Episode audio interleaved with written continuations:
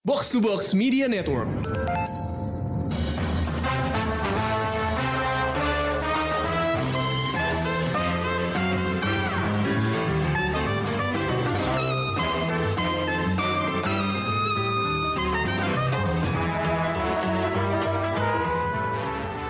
Hai pendengar Showbox, kali ini ketemu di solo review bareng sama Ulil. Di episode ini gue akan ngebahas satu serial terbaru dari Netflix yang juga merupakan spin-off dari To All the Boys I Loved Before.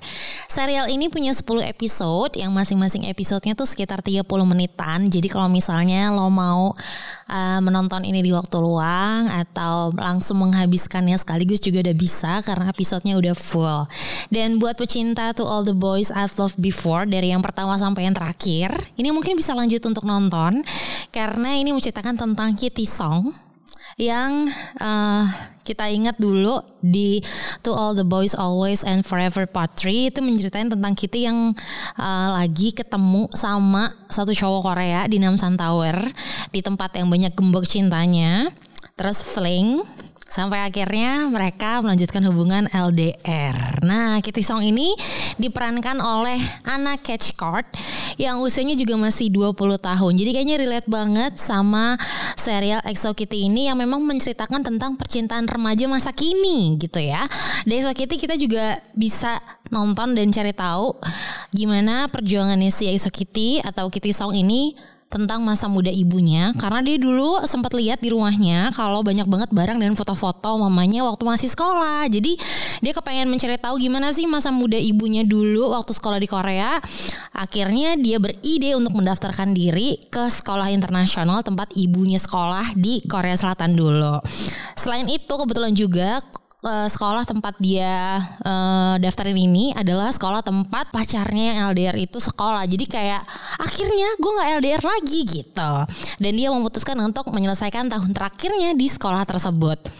Hingga pada akhirnya dia keterima, dia persiapan berangkat sampai di uh, Seoul dari Portland. Agak kebingungan ya kayak ini ini adalah tempat baru buat gue.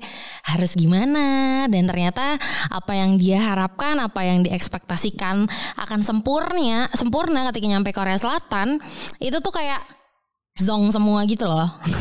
Tapi uh, rencananya nyaris batal semua tapi pada akhirnya dia ketemu juga lah sama si pacarnya yang LDR itu namanya D. Kehidupan kita di asrama juga seru ya karena dia ketemu banyak sama temen baru dan dia juga uh, harus beradaptasi dengan cara berteman yang baru juga. Begitupun dengan dia akhirnya menemukan banyaknya eksplorasi orientasi seksual di masa remaja.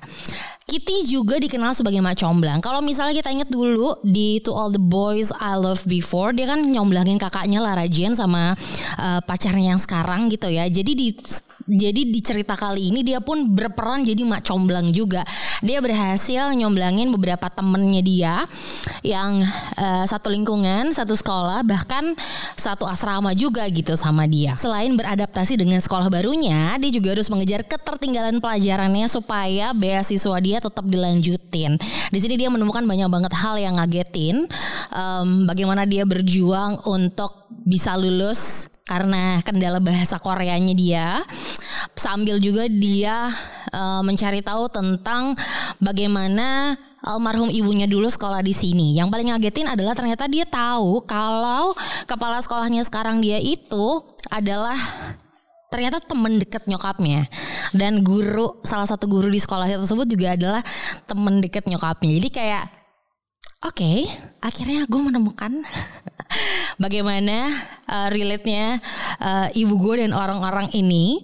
Begitupun dengan experience percintaannya Kitty dan D yang cukup rumit ya menurut gue di di cerita kali ini. Tapi yang uh, gue senang adalah dari film ini gue belajar banyak tentang percintaan dan cara pikir Gen Z.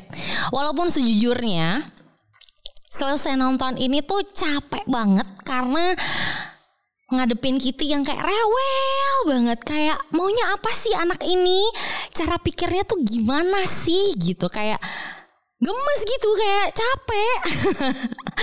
Dan dari sini gue belajar banyak sih tentang remaja-remaja Gen X gimana kehidupan percintaannya di mana akhirnya kita juga uh, mengetahui kalau banyaknya orientasi seksual yang ada dan itu terjadi di sekitar teman-temannya dia.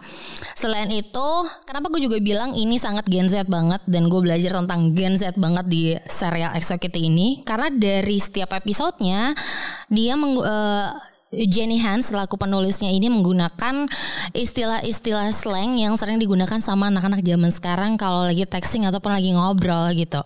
Kayak episode pertama judulnya adalah XO. XO itu artinya kan hug. Nah, kenapa juga nama judulnya XO Kitty? Karena si Kitty ini sering banget texting dan email sama kakaknya Lara Jen di London. Dan setiap kali dia email, bawahnya selalu ada XO Kitty. Begitupun dengan kalau dia texting sama pacarnya, di bawahnya ada XO Kitty. Selain XO, ada juga TBH means to be honest ya atau TBH gitu. Terus ada juga Thiel yang artinya today I learn. Terus ada BIOB bring your own bottle di mana setiap uh, judul ini benar-benar menggambarkan isi cerita dari setiap episodenya dan masih banyak lagi beberapa singkatan yang kekinian yang sering dipakai juga. Begitupun yang gue suka dari serial ini adalah fashionnya yang sangat fashionable, amat sangat Gen Z banget ya update banget baju-bajunya. Dan setiap aktor yang main itu pas banget fashionnya. Jadi nggak ada yang belang belontang nggak ada yang nggak cocok tuh nggak ada gitu. Di serial ini juga kebanyakan menggunakan aktor Asia karena memang berlokasinya di Korea Selatan di mana salah satu ada dua aktornya itu juga adalah kakak beradik di uh, serial ini. Nggak cuman itu aja kita juga bisa ngelihat jelas banget budaya Korea Selatan. Kalau misalnya kayak kita nonton uh, drama series atau nonton film Korea gitu ya, selalu ada part makan-makannya.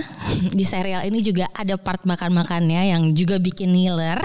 Begitupun uh, belajar budaya Korea juga ada salah satu budaya namanya Chusok gitu ya, kayak uh, lo hari libur terus kayak lo bersama dengan keluarga dan buat yang tinggal di asrama lo harus merayakan hubungannya dengan teman-teman di asrama lo gitu. Uh, banyak banget budaya yang dipelajarin dari Exo Kitty ini, multiculturalnya kerasa banget ya, Amerika, Eropa dan Korea Selatan.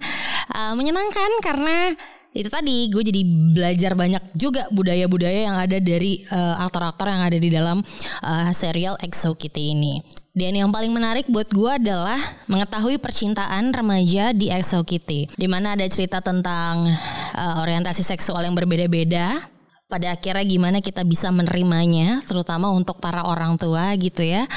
Uh, jadi ya, abis nonton ini secara nggak langsung tuh gue mikir, kayaknya gue lagi dipersiapkan jadi orang tua muda ya dengan begitu banyak peliknya masalah di uh, kehidupan anak-anak zaman sekarang gitu. Gimana cara bergaulnya anak sekarang, bagaimana kita memahami orientasi seksual anak-anak zaman sekarang gitu.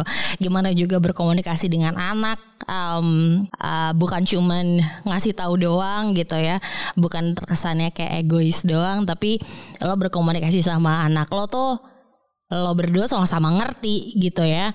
Dan juga um, bisa memahami kalau misalnya orang tua lo gini tuh karena lo emang sayang gitu sama anaknya. Mungkin agak terkesan um, klise gitu. Cuman kayak abis ini abis nonton ini gue bener kayak Oh ya ya berat juga ternyata jadi orang tua zaman sekarang ya, Bo gitu. Selain uh, dipersiapkan jadi orang tua gitu ya, gue juga belajar jadi kayak seorang kakak atau seorang sepupu atau seorang uh, tante gitu yang punya ponakan anak anak generasi uh, tahun 97 sampai 2000 uh, untuk mengetahui cara berpikir mereka tuh kayak apa sih sebetulnya gitu ya. Kenapa kok kayaknya ribet banget hidupnya gitu.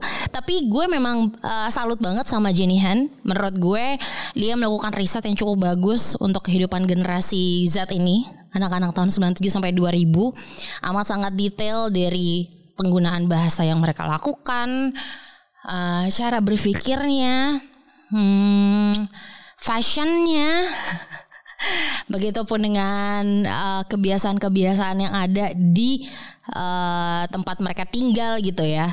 Uh, gue nggak akan bilang sok tua, cuman tapi memang kayaknya mereka sepertinya uh, amat sangat bisa menyelesaikan masalahnya sendiri tanpa bantuan orang lain gitu ya.